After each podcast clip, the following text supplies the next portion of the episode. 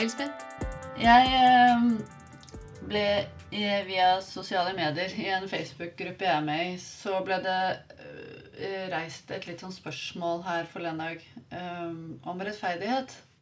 Eh, personen som skrev det, refererte til eh, litteratur, og hvor det var en dialoggruppe som, eh, som spurte hva, hva med rettferdighet? Hva er rettferdighet for deg? Og hva er dine opplevelser av rettferdighet? Og så begynte jeg å reflektere litt over det, fordi jeg syns i dagliglivet så er det ganske ofte at jeg må forholde meg til den problem, den type tematikk. Hva er det som er rettferdig å gjøre i denne situasjonen? Eh, Og jeg syns det kan være utrolig vanskelig å vite hva er rettferdig i forhold til hva. Um, så eh, jeg hadde litt lyst til å diskutere dette her med, med deg i dag, egentlig. Og jeg tenker dette er sikkert noe som mange kjenner på, da. Det er jeg ganske sikker på at eh, det er, eh, fordi det, det, det, det trigger mye hos meg også.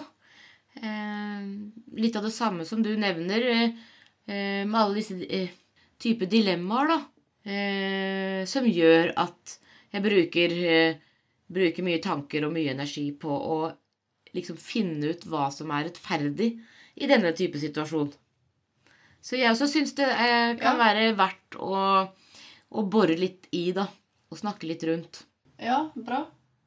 Eh, før vi linket opp til hverandre nå, så begynte jeg å google litt, da, selvfølgelig. Ja. Det liker jeg jo.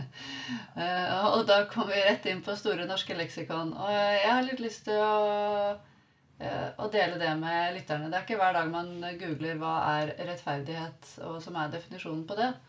Eh, Fordi det er et eh, sentralt begrep innen etikk, og særlig politisk filosofi. Og det er jo aktuelt nå hvor vi står foran et stortingsvalg. Så handler jo veldig mye om fordeling, og hva er en rettferdig fordeling? Og, man, eh, og dette begrepet kan eh, Nå sitter jeg og bare trekker litt sånn løpende ut også fra hva jeg leser Ja. nå. Fra Store norske leksikon. Begrepet kan også brukes både om en sosial tilstand og om en moralsk dyd.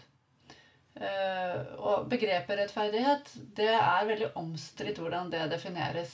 Og det finnes ulike tilnærminger til forståelsen av dette begrepet. da.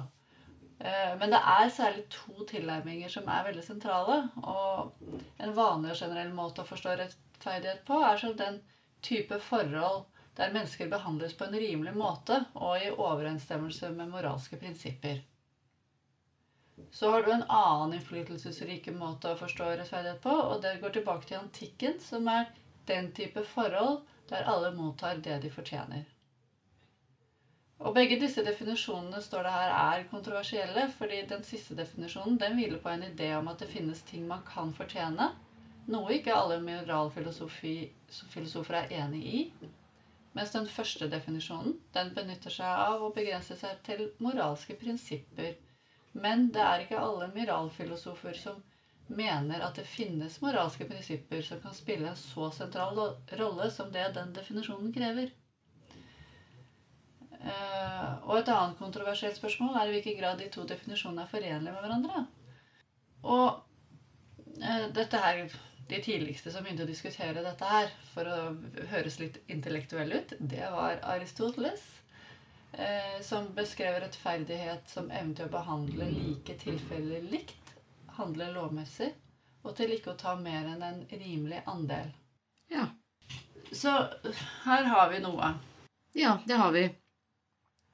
Og nettopp den siste som du nevnte, som Aristoteles eh, eh, hadde formulert, da, den ga veldig gjenklang hos meg. Så det første som slår meg da, er at eh, aha, der har vi kanskje litt eh, grunnlaget mitt for å på en måte vurdere rettferdighet, da. Ja. Uh, og så er det forskjellige måter å se det på, for du har, eh, du har også det som heter fordelingsrettferdighet og gjengjeldelsesrettferdighet. Ja, ja, og da kommer kanskje mer dette, dette inn som ble nevnt eh, tidligere, da, med eh, å fortjene noe. Satt opp mot moralske prinsipper, kanskje. Mm. Ja. Ikke sant? For hva er det som skal ligge til grunn for at eh, noen fortjener noe? Så det blir jo en, kanskje en annen vurdering igjen, da, men det er interessant at det også da kommer et rettferdighetsprinsipp inn i, inn i det eh, bildet, da. Ja. Eh, For sånne fortjenesteteorier kan også variere i hvordan de mener at fortjeneste bør bestemmes. Hvem er det som skal bestemme det, liksom? Eh, og, og hva er behov Er det av et samfunnsbehov, eller er det av et individs innsats? Nettopp. Ja. Ja. Mm, ja. Da blir det jo fort veldig sånn stort og, og flytende og, og sånt. Så, så hvis jeg skal forsøke å trekke det litt mer ned til eh, et individuelt plan, da, så tenker jeg også veldig fort på eh, en sånn vektskål når jeg tenker på rettferdighet.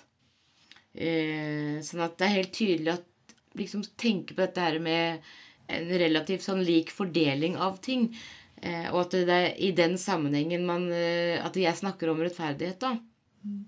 Og det kan jeg jo kanskje da eh, trekke inn på veldig mange områder eh, i livet også, i forhold til at jeg kan trekke det inn når det kommer til relasjoner. Jeg kan trekke det inn kanskje når det kommer til ja, innsats og betal, betaling for i, type innsats. Eh, likestilling. Lønnsnivået til kvinner kontra menn. Eh, altså på min egen arbeidsplass, eh. Altså ja, det, er liksom, Og da kommer alltid den derre vektskåla. Blir litt sånn det grunnleggende prinsippet, da. Ja. Ja, det gjør det. Og det er Det er vel mye av det vi etterstreber eh, hele tiden. At den skal holde seg så vannrett som mulig, den vektskålen, da.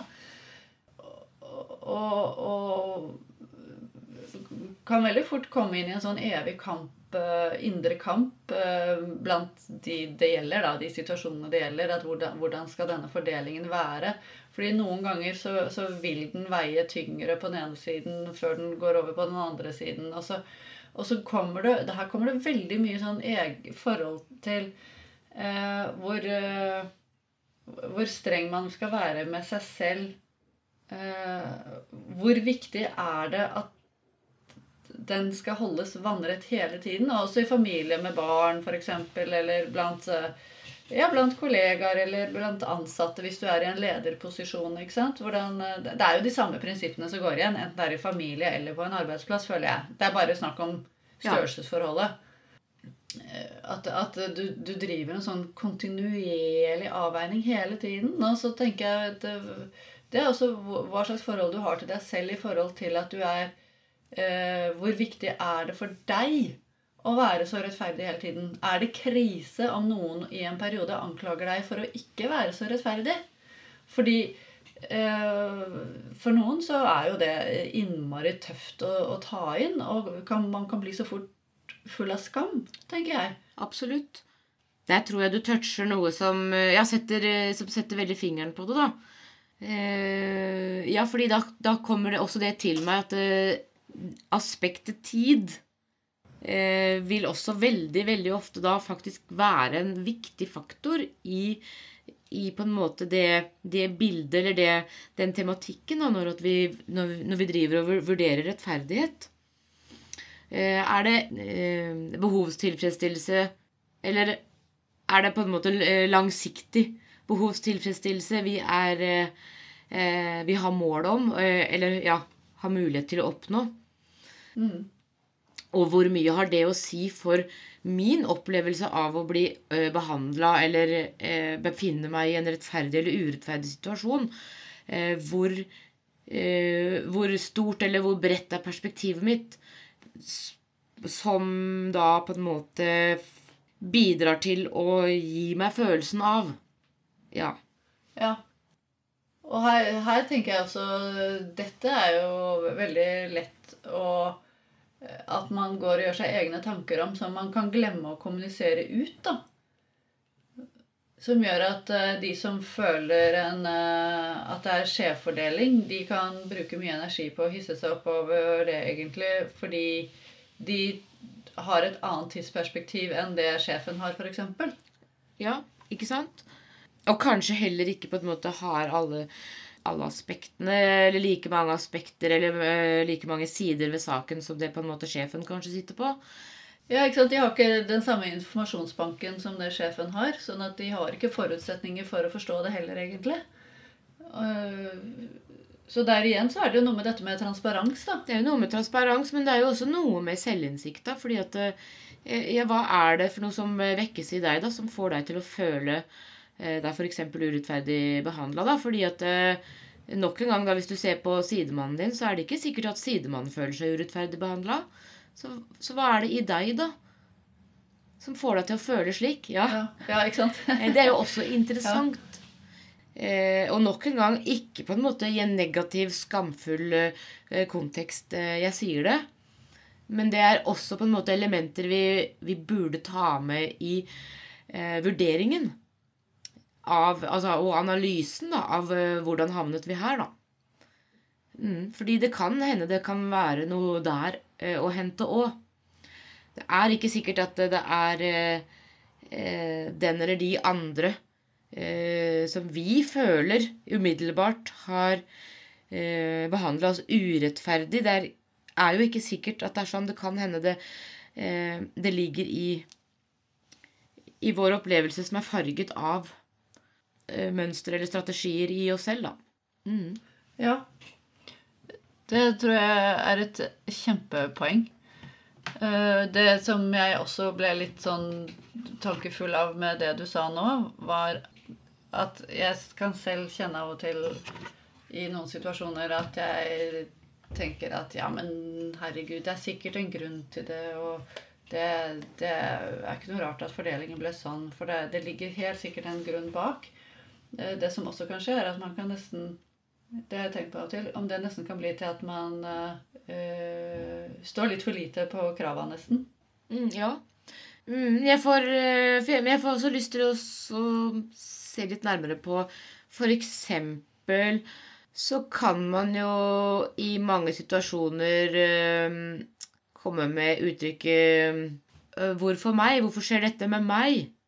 Og hva ligger i et sånt uttrykk? Det er jo litt sånn Da gjør du kanskje deg selv til et lite sånn offer. Altså, jeg kunne ikke noe for det, og jeg er eh, en ulykkesfugl, jeg er uheldig.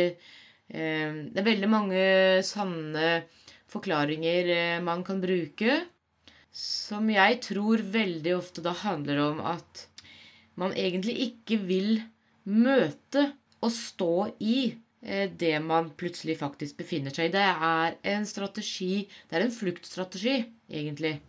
Og som jeg da tror at man ofte knagger på at eh, liksom verden er urettferdig. Jeg får mye mer fæle greier enn alle andre. Men er det sant? Og handler det egentlig om urettferdighet? Det er jeg heller ikke så sikker på at det alltid gjør. Eh, Det kan handle om, jeg tenker at det ofte handler om noe helt annet. da. Eh, Så Vi trenger kanskje ikke gå så gå dypt i det, men at det er jo et element når vi snakker om rettferdighet. da. Ja. Hva, altså virkelighetsoppfatningen, på en måte? Ja, virkelighetsoppfatningen, ja. Tenker du? Eh, og ja, litt det som vi kanskje eh, også har vært inne på tidligere eh, når vi har snakket sammen. At dette med liksom, Hva ligger det i at vi lager historier om oss selv som ikke nødvendigvis er helt sanne, da? Og hvorfor gjør vi det? Jo, det er vel også for å understøtte, styrke et villet bilde, et, en, en villet virkelighet. Kanskje overfor andre, men også overfor oss selv. Da, overbevise oss selv. Hvor vi nok en gang overser, undertrykker eh, det vi egentlig føler. Innerst inne. Mm. Sånn at ja, så I denne konteksten så tenker jeg at opplevd urettferdighet kan også være en del av, av den greia, da. Ja. Og så samtidig så em, I det store bildet, og når vi snakker om moral og, og sånne type ting eh, Når vi snakker om mangfold, at vi ønsker mangfold, og vi ønsker på en måte like muligheter for alle, og, så det, da er vi også inne på rettferdighet. Som kanskje også da trer frem som et, eh, et fint prinsipp eh, for at vi skal kunne leve eh, i fred sammen, da, alle menneskene. At vi må ha noen sånne prinsipper. Mm. Trenger noen sånne kjøreregler, men så er det jo også noe med det Det er jo sånn som det er i, i jussen og i alt mulig. ikke sant? Du har forskjell på rett og galt, men så er det også rom for skjønn. Og der kommer vel også en del av det jeg, Nå er ikke jeg jurist, men uh, det, der kommer også litt av det der ja, skjønn- og rettferdighetsprinsippet inn. da. Ja, absolutt. Ja, når vi snakker om det, så, så nevnte du vel eh, ja, et prinsipp om gjengjeldelsesrettferdighet. Det er på en måte det jeg tenker eh, først på når vi er inne på eh, type rettsvesen, da. Fordi veldig mye av det er eh, kanskje basert litt på sånn eh, hevn. Det at, på, det at noen har brutt de reglene som er satt, da, de reglene og normene som er satt i samfunnet. Eh, det er jo alvorlige det er jo alvorlige krenkelser overfor andre mennesker som kanskje vekker det største hevnbehovet i mennesket. Ja. Og så kan man jo diskutere hvor konstruktivt det er, ikke sant? Ja. Ja, ikke sant? For på, i noen sammenhenger så er jo det en fantastisk egenskap å ha. Uh, nettopp for å, for å ikke godta alt, og det er ikke alt du skal godta. Og noe er det verdt å gå i, i overført betydning krigen for. Ikke sant? Mens, mens eh, i andre tilfeller så, så er det noe med at Vet du hva? Av og til er det å vende det andre kinnet til. da. Ja, Det kan jo være å vende det andre kinnet til også, men eh, det kan jo også da handle om eh, liksom, Hvor vil vi altså, nå altså Dette har skjedd, og hvor skal vi gå herfra? Ja. eh, Skal vi sette oss fast i, i på en måte da den tanken om hevn? Og når hevnen er utført, da, da kan vi si at rettferdigheten skjedde fyllest. Det er det jeg har en opplevelse av at det er mange som tror at eh, de vil føle, og så gjør de ikke det allikevel. Nei, fordi den hevnen, den er, eh, den er så eh, Den er bittersøt, ja, fordi den er, den er flyktig, tror jeg. Det er en eh, veldig kraftig følelse Ja. som også veldig fort brenner ut. da. Eh, og det er ikke nødvendigvis Ja. der du finner rettferdighet. Nei, det er kanskje, nei, ikke sant? Det er det som er eh, utfordringen når følelsene eh, trer inn og blir, eh, som Ja. ikke er rasjonelle. Det er jo nettopp det som er med ofte følelser, at de, de, de, er, de er irrasjonelle. De er, det det er følelsen, og lar vi oss styre av den, så kan det være litt galt av sted hvis ikke vi tenker oss om Ja, litt det kan det. først. Mm. Mm. Og så eh, Og da bringer det meg videre til også da Kanskje det enkleste da er også for seg selv sette opp noen sånne prinsipper for eh, For å på en måte virke rettferdig, da. Være rettferdig. Og slippe å kanskje ta eh, vurderinger eh, case for case, da. Eh, for eksempel Ja, tenker du å ha ja, jeg tenker på, Da er jeg tilbake på relasjoner og liksom det private igjen og sånn, da. Men jeg tenker, eh, jeg tenker eksempel på, på barneoppdragelse, da. Så sier man ha tre barn, da, og så eh, eh, bestemmer man seg som foreldre at nå skal vi som et utgangspunkt sikre rettferdig behandling av barna, og derfor skal, det, skal alt gjøres likt. Hvis vi på en måte tenker litt lenger, så kan vi også da tenke Er vi egentlig rettferdige da? Fordi eh, tar vi da hensyn til hvert individs behov igjen? Ja. Og, Mm. Ikke sant? Så det, det viser jo litt hvor komplisert kanskje den rettferdighets eh, disse rettferdighetsdilemmaene kan være på en måte å, ja, eh, å finne ut av, da. Fordi det vil alltid komme litt an på hvilken eh, retning du vurderer det ut ifra. Eller med hvilken eh, tilnærming, da. Ja, og så er vi så Individer er jo, har jo ulike forutsetninger og, og vil oppleve ulike konsekvenser ut fra ulike valg. Og alle individer bør jo få muligheten til å, å ta egne valg og også oppleve konsekvensen av de valgene. Men så, det, men så blir det et verdispørsmål igjen. ikke sant? Hva, hva, hvilken verdi legges til grunn for de valgene man tar? Og hvor mye skal de vektlegges? ikke sant? Det er jo også et uh, kjempebilde å ta her. Så det er jo noe med å, å gjøre opp en mening ut ifra deg selv. Hvilke verdier er viktige for deg, og ikke minst som forelder. Da, for du vil jo ta den fordelingen ut ifra ditt verdigrunnlag. Og det kan være at det verdigrunnlaget kan skille seg både mellom partner i og for seg, og mellom, mellom uh, etterkommere ja. også, ikke sant? Så det er, jo, det er jo klart at det kan dukes for uh, uroligheter. Og, men da igjen er det noe med å kommunisere hva, hva er disse verdiene, og, og, og, hvorfor, på en måte. Uh, så det handler jo Alt handler jo egentlig om, om kommunikasjon i bunn og grunn. Og, og, før du skal kommunisere det, så må du jo uh, vite selv hva du står for. Ja, det må man jo. Mm. Og da er vi jo på en måte på ja, en utfordring og kanskje det vanskeligste, da, fordi eh, verdiene våre har en tendens til å forandre seg i forhold til eh, hvor mye vi våger å åpne opp for vårt eget. Mm. Vi er veldig farget av eh, vårt eget eh, selvbilde, på en måte, da. Ja, vi er det. Og når du sier det, så har jeg litt lyst til å Jeg har eh, underveis mens vi har snakket her, så har jeg liksom tenkt litt på den idealmodellen. Ja. ja eh, jeg har litt, litt lyst til å berøre den nå, jeg. Ja, fordi jeg tror lytterne kan ha litt glede av å få innblikk i det nettopp for å få et litt sånn bild, sannhetsbilde av seg selv. Mm, ja, ja. Vi, kan jo, vi kan jo for så vidt uh, vise hva den går ut på. Jeg tenker at den kanskje er litt uh, hver dag lang å ta som en øvelse, hvis du Ja, men det, det jeg, tar, ja, jeg tar bare ja, kortversjonen, altså. Ja, men det, det, er kjempefint. Ja, jeg gjør det, fordi hvis noen uh, gjerne vil ha en grundigere gjennomgang av det, så får de kontakte oss ja, direkte, tenker jeg. Det er fullt mulig. fullt mulig. Mm.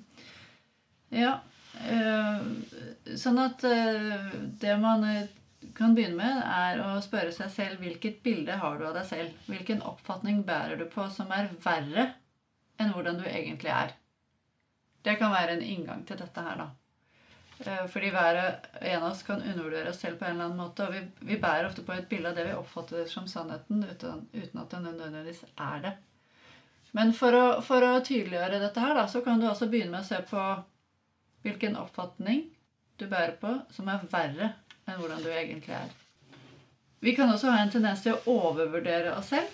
Um, og da kan du spørre deg hvilket bilde eller oppfatning av deg selv bærer du på som er bedre enn hvordan du egentlig er. Vi kan ha hemmelige drømmer om hvordan vi tror vi skulle være i en fantasiverden. Så hvilket urealistisk bilde har du av deg selv? som du vet aldri kan bli virkelighet. Neste er hvordan vil andre mennesker at jeg skal være? Hva tror du? Hva, hva tror du andre mennesker øh, ønsker fra deg? Hva forventer andre mennesker av meg, og hva de skulle ønske at jeg endret på? Så bare, Da kan du bare tenke på andre mennesker som en generell flokk, liksom. Eller du kan tenke ut noen spesifikke personer i ditt liv. Nå kan du bare prøve å frigjøre deg fra alle disse bildene. Og så kan du tenke på hva du realistisk sett ønsker å være. Hvordan vil du egentlig være? Hvilke egenskaper og kvaliteter føler du passer inn til den personen du ønsker å være? Nå kan du se for deg et idealbilde av deg selv. Så kan du ta et skritt inn i det bildet og tenke at du blir en sånn person. Og kjenne at du tar inn alle egenskapene og kvalitetene som fins i den personen. Ja, og ved å bevisstgjøre de punktene jeg nevnte nå, så kan det være at du får et litt tydeligere bilde over uh, både hvordan du er, og hvordan du ønsker å være. Eh, ja, eh, og den kan jo da eh, hjelpe deg til å få bedre tak i verdiene dine på et mer personlig plan, og kanskje da ikke fullt så farget av eh, ytre påvirkninger. Eh, og kanskje også Ja, jeg vet ikke om jeg kan kalle det for falske verdier, men jeg, jeg tror noen ganger at vi, vi mener vi har noen verdier som egentlig da er basert på eh, vår forestilling om hva det er som eh, som gir meg verdi, da. Som egentlig ikke er helt, eh, helt det samme, da. Det er, det er rett og slett en del av, eh, av eh, liksom overlevelsesstrategiene våre, og egentlig ikke verdiene, verdiene våre, da. Jeg tror en sånn type øvelse som det kan bidra til ja. å, å skille mer mellom det, da. Ja. Nå Ja, fordi jeg tenker det, det er veldig fort eh, gjort å gli inn i de verdiene som, du er, som eh, miljøet ditt er preget av, Ja. tenker jeg. Og det tror jeg mange kjenner igjen som får en oppvåkning når de er eh, det Typisk i vår alder også. Eh, Litt sånn middelalder oh, Gud, jeg liker jo ikke det uttrykket. Middelaldrende. Det høres sånn treigt ut. Men eh, ok, vi må ta det for det der. Uh, nei, men at mange gjør seg opp som spørsmål er det dette jeg, er det dette jeg vil. Hvordan, hvordan vil jeg leve? Og disse, disse rundene har vi jo gjennom livet. Du har det jo både i ungdomstiden, du har det når du er ung voksen. Vi har av og til sånne checkpunkter. Tror jeg, Vil jeg fortsette i, i den dansen jeg er i nå, eller har jeg lyst til å gå over, og, og, og, over i et annet miljø eller verdisett, eller, eh, eller ta på en måte et oppgjør med miljøet jeg er i, for å se om det kanskje er andre som tenker som meg, at nei, er det, er det dette vi vil? Ønsker vi å leve livet Mm, på ja. den måten? Ja, og, og, og da tar du også et større ansvar for deg selv. Eh, som jeg tenker også er et gode, fordi at jeg tror vi er veldig opptatt av at vi vil, vi vil ha kontroll over, eh, over vårt eget liv. Men jeg tenker det er kanskje nesten den eneste måten å, å faktisk oppnå det på. Eh, det er å ta, ta et større ansvar for, for hva jeg egentlig vil. Eh, og kunne løsrive seg fra det miljøet du er, eh, er sterkt preget av, da. Eh, Og da tenker jeg også at du er mer rettferdig overfor deg selv også. Altså ø, evnen til å være rettferdig overfor seg selv øker. For det tenker jeg også kan være et element at man ikke verdsetter seg selv høyt nok til å ta seg selv med i betraktningen når ø, vektskåla skal balanseres, da. Ja, ikke sant? Og nå føler jeg nesten at vi kan gå tilbake til en sånn sirkel i, sirkel i forhold til eh, den der egenomsorgen og, og, og, For å ha balanse i eget liv. Ikke sant? At du har eh, de ingrediensene du trenger for at denne vektskålen skal kjennes riktig, da. Mm, Ikke sant? mm. Mm. Absolutt. Men jeg tror øh, for meg i dag så blir litt konklusjonen at dette er et tema som øh, eh, bidrar til mer forvirring nesten enn oppkla oppklaring. Ja, men det er det som er så fint, fordi at vi, vi sitter ikke her med en podkast som skal gi lytterne fasit. Vi skal sette i gang Eh, tankesurr, vi. Og det tror jeg vi er gode på med alt det der tankesurret vi selv Ja. eh, sitter med. Eh, ja, men det er jo gøy, da. At det blir, litt, eh, det blir litt omløp om litt andre ting enn det vi kanskje egentlig eh, ellers Ja oss med. liksom. Det er jo det vi håper at vi kan være en liten inspirasjon til. Hva er, for å gå tilbake til start, hva er rettferdighet for deg? Og hva er dine opplevelser Mm, av rettferdighet? Ja, ja, ikke sant? Og så har, har jeg, i dag så har vi kanskje eh, eh, rett og slett forsøkt å eh, bare streife innom hvor mange eh, områder eh, dette kan bli et tema, da. Ja. Så har vi liksom Ja. ja, gått litt inn i det. Ja. Så det viser jo bare ja, hvor, hvor ofte det faktisk kan, kan bli et tema, dette begrepet rettferdighet, da. Mm. Um, og at Ja, det er, det, er, det er nok verdt å gå, gå noen runder på det innimellom. Og eh, ja, sette det opp imot sitt eh, eget verdiståsted, da.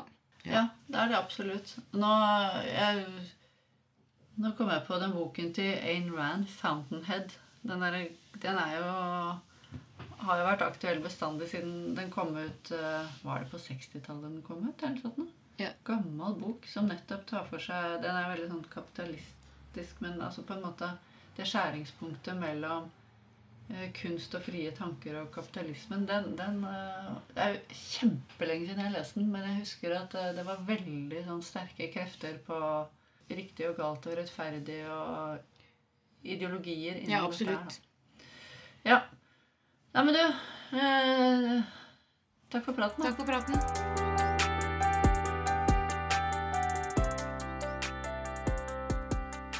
Vi tar gjerne imot innspill, og de kan du sende til mette.gravdal at gmail.com eller elsmon at online.no. Og Vi har Facebook-side og Instagram-konto med samme navn. Takk for praten. Veldig gøy om du har lyst til å følge oss der.